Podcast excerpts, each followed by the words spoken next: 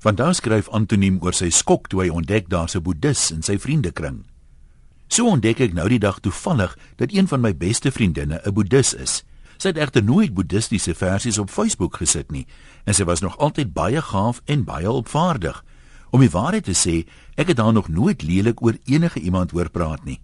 Dit laat my wonder wat ouma daarvan sou gesê het. Vir haar was die lewe eenvoudig. Alle Christene is goeie mense en die res moet jy so ver as moontlik vermy. Volgens die Bybel ken 'n mens mos die boom aan sy vrugte.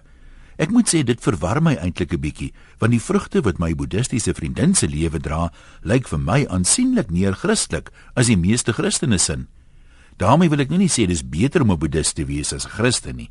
Dalk is boeddhiste net meer toegewyd, want die vet weet die gemiddelde Christen se toewyding is op die oog af maar baie ondergemiddeld. Eintlik weet ek nie regtig wat boeddiste glo nie, maar blykbaar gaan dit oor persoonlike groei en om meer insig in die lewe te kry.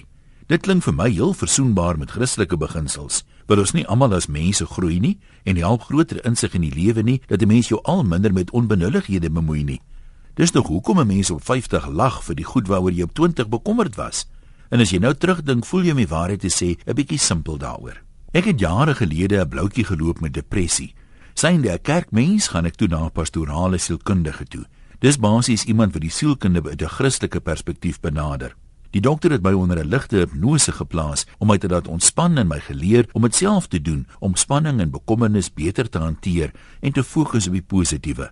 Nou hoor ek die boeddiste doen dit ook.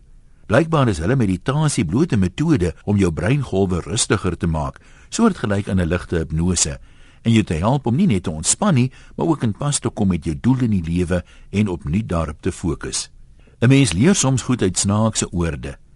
Dan kan ons ons geloof 'n bietjie meer soos die boeddiste benader. En voor jy my nou oordeel, al weet jy jy mag nie, ek bedoel daarmee dat 'n mens moet kan mediteer oor jou kristendom ook. Meditasie op sigself is nie 'n geloof nie, En as jy nou tyd spandeer om diep en gefokus na te dink oor die grootheid van die skepping, al jou onverdiende seënings en hoe jy jou doel in die lewe kan vind of beter kan uitleef, hoe 'n beter Christen sal jy mos wees. En dis tog lofwaardig. Die Amerikaners sê gereeld, "Where focus goes, energy flows."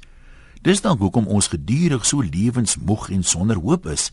As jy die heeltyd fokus op alles wat verkeerd is, kan jy later nie eers meer die skoonheid van 'n pragtige sonsondergang bewonder nie.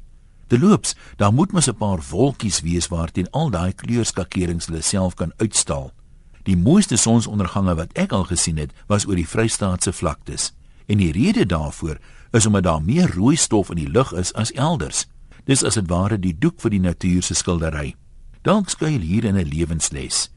'n Sonsondergang vra nie perfekte toestande nie, nes lewensgeluk. Maak nie saak wat jou geloof is nie.